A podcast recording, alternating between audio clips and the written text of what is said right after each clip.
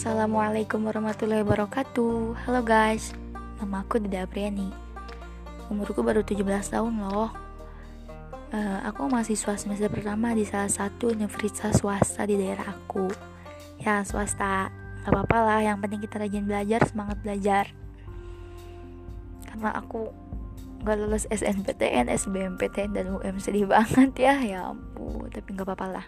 Semangat terus belajar ya di podcast kali ini aku akan baca puisi. Kebetulan aku suka menulis puisi, mendengarkan puisi dan baca puisi. Aku akan baca puisi karya-karyaku dan juga nanti akan baca-baca puisi karya seniman-seniman yang ada di Indonesia.